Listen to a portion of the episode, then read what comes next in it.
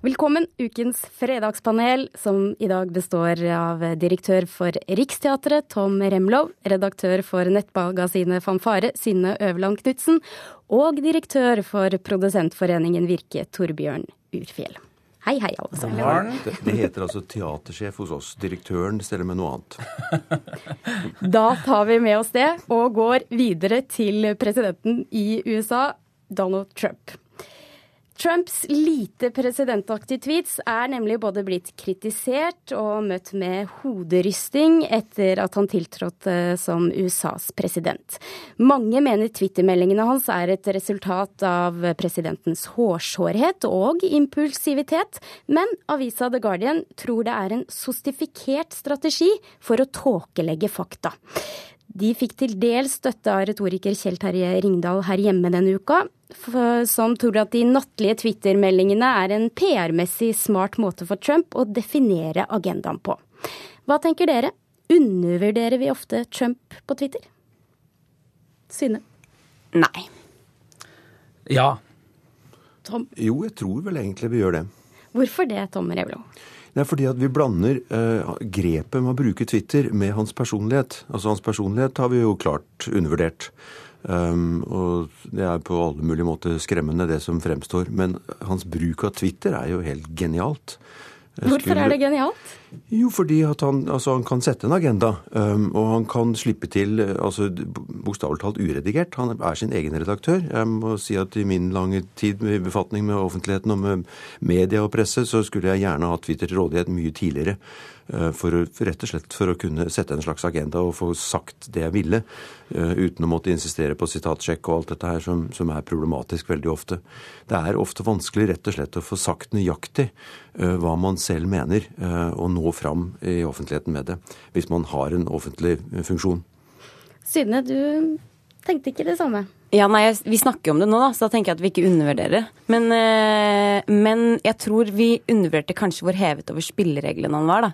Eh, og hvordan han gjennom å kommunisere direkte med sine velgere, eh, hva, at det faktisk ikke har så mye å si da, hva vi da i respons til det skriver. da. Eh, så, eh, men jeg tror ikke vi undervurderer Vi ser jo hva slags effekt det har. Vi ser jo at det er en del av velgerne som også gjorde at han kom fram til makten, eh, som bryr seg om det han skriver der, og at det har en effekt. da. Men det at han setter seg ned på natta og skriver tweets, eh, handler det om impulsivitet eller en strategi?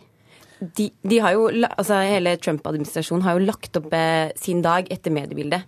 Eh, så jeg tror jo at de har sett, i hvert fall om det ikke var bevisst i utgangspunktet at det var en strategi, så har det blitt det, for de har sett at det har funka. Eh, og eh, for de er ganske bevisst av hvordan de bruker eh, mediene. Men jeg tror ingen som kan helt forstå hva som skjer i hodet til Trump. eh, Og det som jeg syns er eh, mer interessant, det er jo åssen han åpenbart har trodd at han er mer suveren overfor spillereglene enn det han er. For nå får jo vi og han en leksjon i maktfordelingsprinsippet i USA, med at han rett og slett får motstand, og at det bygges enormt med motmakt. Og jeg tenker jo at det egentlig er på tide å begynne å behandle Trump som president. Eh, Tom var inne på rolleforvirring når vi begynte her dag, og, og det høres jo ut som at uh, Trump tror han er direktør for det hele, og ikke president i, et, uh, i en stat med klare maktfordelingsprinsipper. Jo, men Nå snakker du om Trump som sådan. Her snakker vi om hans bruk av Twitter. Eh, altså hvordan han når fram med det han tross alt mener er riktig. Eh, det, egentlig syns jeg det er en fordel. altså Han blir jo usensurert fremstilt når han da tvitrer om denne dommeren i Seattle som, som også stanset eh, innvandringsforbudet hans. Eh, så fikk vi jo eklatant demonstrert, og uten å måtte tvile på om det var en VG-journalist i veien som ikke hadde hørt etter, eh, hvordan han eh, forholdt seg til rettsstaten. Det var helt fenomenalt. Poenget mitt er at det er ikke mulig å være Twitter-president. Du er nødt til å ha gjennomslag både i domstolssystemet og i Kongressen. Jo, men selvfølgelig. Det er klart det, men du må også eh, bruke medier for å nå fram. Absolutt. Altså når, når, du, når du sier at, han, eller at denne administrasjonen hans eh, legger opp dagen sin etter media, det har administrasjoner gjort siden tidenes morgen. Han har sagt Selv vi på Riksteatret gjør det. Om, om vi skulle være så heldige å være tilstrekkelig til stede i nyhetsbildet, så ville vi jo selvfølgelig orkestrert vår dag etter det. Ja, vil du la deg litt inspirere? Helt klart. Altså, jeg, jeg syns Twitter er et strålende redskap, og gudskjelov så er det på vei opp igjen, anført bl.a. av Trump. Det er helt strålende. At fyren er gæren, er en helt annen ting. ja, for Hva slags stil ser du for deg å altså, legge på Twitter? Nei, altså, jeg, jeg, kan alltid jeg kan greie å holde følge med det nattlige. Eh, det passer for så vidt min livsstil, men, eh, men jeg vil nok anlegge en litt annen tone. Ja. Kom og se denne forestillingen i Risør. It's a great story! Ja. mm, ja. Men undervurderer er kanskje litt sånn Ordet er litt forvirrende, da. fordi at man kan jo Du sa jo nå Trump er gæren, og det er ikke noe tvil om det. Mm. Eh, og det betyr jo ikke at da, selv om det funker, og selv om det, er en, om, om det så er en god strategi, så betyr det ikke at vi skal tillate det skal være en ny normal å eh, kommunisere på den måten, da. Kommunisere på Twitter, ja. Bruke Twitter, ja. Men, men hva man sier og innholdet i det, det kan man jo ta til diskusjon. Og som man kan også undervurdere under, men undervurdere Jeg bare undervurdere er jo også et ord som jeg ville kunne brukt om det. da, At uh, Hva er innholdet og essensen i de, de ordene? da, uh, Det jeg, kan jeg nok undervurdere som politisk statement. da. Jeg tror vi må gjøre et hopp videre til Melodi Grand Prix, for det ble nemlig de ti finalistene eh, lansert denne uka. Og eh, mange mener, bl.a. Eh, VG og Aftenpostens kommentatorer, at vi må ha flere kjendiser for å kunne lykkes bedre med denne sangkonkurransen. Er det flere kjendiser eh, og artister, kjendisartister som skal til for å gjøre MGP nytt og spennende, tenker dere? Synne først. Nei. Ja. Jeg tror nok det stadig enighet der. Begynner med, med ja. Torbjørn. Altså men utfordringen er at det er feil kjendiser. Eh, utfordringen er jo det at uh, her tror jeg NRK går på ei blemme. Jeg har hørt i 20 sekunder av de sangene som er lagt ut. Og jeg kan nok uh, uh, allerede nå si til NRK at de trenger neppe å arrangere Eurovision til neste år. for det blir nok ikke noen seier til, til Norge i år. Dette må du tvitre om, Torbjørn. ja. Men iallfall um, Kjendisartister er jo først og fremst interessant for å få folk til å se på Melodi Grand Prix. Eh, for hvis du får nok folk til å se på Grand Prix, så kommer du jo sannsynligvis til å få den rette vinneren. Eh, og så er jo erfaringa slik at det er ikke eh, kjendisartistene som nødvendigvis vinner. Eh, men det kan trekke oppmerksomhet til det. Og noen av de beste eksemplene vi har på sanger som har gjort det veldig bra, viser jo at Norge har levert Jostein Hasselgaard, vi har hatt Silje Wige, Karoline Krüger var ikke kjent, Alexander Rybak var ikke spesielt kjent når han uh, kom inn. Uh, og det viser seg at de beste sangene, det er, rett, det er reelt en melodikonkurranse. Sjøl om man ler litt av det, så er det det. Ble du enig, Synne?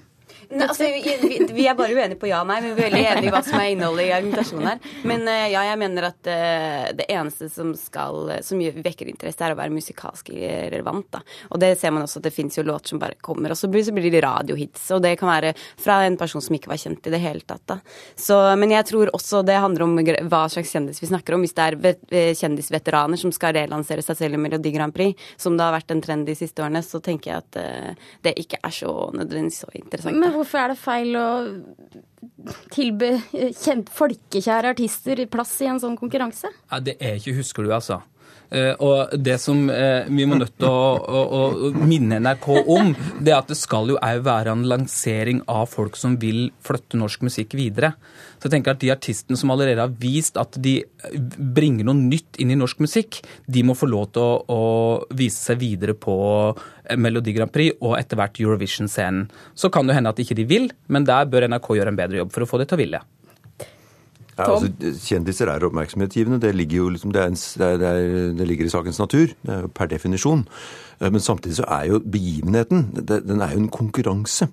Og der, som alle andre konkurranser så skal det egentlig være mulig å komme fra intet og bli vinner. Eh, I skisporten, hvor, hvor den enn måtte være. Eh, så Sånn sett så er det en begivenhet som, som sliter litt med, med, sin identitet. Eh, men vi som er i underholdningsbransjen, vi vet jo det at kjente personligheter skaper større oppmerksomhet og besørger større oppslutning. Mm. Og det er et viktig poeng. Ja, men jeg hadde ideelt sett for meg at man snudde den trenden, da. At man var sånn herre Det har man, man håpet på siden tidenes morgen. Ja, eller jeg vet ikke. Jeg Men hvilke liksom tenker du at Hvilke hadde ønska deg? Navn? Mm -hmm. eh, nei, jeg har ikke noe navn nå, jeg. ass. Men eh, fordi jeg kjenner ikke de navnene her. Ja, du har noen navn. Emilie, jeg... Nicolas, Omar Astrid S, for den saks skyld. De som har vist at de kan levere noe hiter og som er interessante i markedet nå. Jeg, jeg tenker jo at musikkbransjen er sykt sulten på å finne nye artister, da. Og da kan jo mm. det her være et sted for nettopp det, da. Å finne Fordi det er en Hvis, hvis det er en melodikonkurranse, da, så er det jo fint å få fram noen helt nye som kan være sånn. Og det er jo de som blir trukket fram nå også. I, Ikke sikkert de har lyst. Helt nye, de ferske? Nei, og stress og Nei, jeg, Tenker jo, jeg tenker jo ikke kjendiser. Jeg tenker jo at vi skal trekke fram helt ukjente, uh, ukjente. Det er derfor jeg heller ikke har navn, da. For jeg tenker jo at man burde finne nye talenter, da. Torbjørn? Nei, jeg tror at du må ha en kombinasjon av de helt nye kjente og, og de sultne. Altså det, når, når, Grand Prix begynte, så var det jo de aller mest kjente artistene som, eh, som ønska å stille opp der. Eh, så får vi se om den kan få den statusen igjen. Nå har jeg vært fryktelig dårlig på å disponere tiden her, fordi dere eh, snakket så godt om dette. Men et kort meningsutveksling til slutt om AUF og, og Utstranda. De foreslår altså da et nytt sted, minnested etter 22.07, etter alt bråket som har vært om Sørbråten. Er dette nye forslaget en god idé for å skape ro? Ja. Nei. Ikke for å skape ro. jo, altså, Det er jo det forslagets motiv, at det skal skape ro. Dette er jo en sak som har kommet usedvanlig uheldig ut. Altså det, det opprinnelige forslaget fra den svenske uh, kunstneren var jo helt fenomenalt. Uh, altså, og det var jo intuitivt uh, møtt med begeistring av oss alle. Og så har det rett og slett kantra, og da må man finne på en helt ny vri. Og det har de gjort. Det blir dessverre ikke ro, og den brutale sannheten som er helt umulig å si, det er at eh, Utøya og området rundt kan aldri bli det samme, og det må dessverre også naboene leve med. Mm. Ja, Ankepunktet til naboene er vel at de er redd for publikumstilstrømningen. Eh, de syns hakket var fint, eh, men de syns ikke at publikum at De var redd for at det kom flere enn det som det var skissert opp. da. Og sånn sett så er jo også dette Dette er jo flere naboer i tilknytning til det nye forslaget. Og så tenker jeg også at det er bare sånn første læring. Må invitere naboene.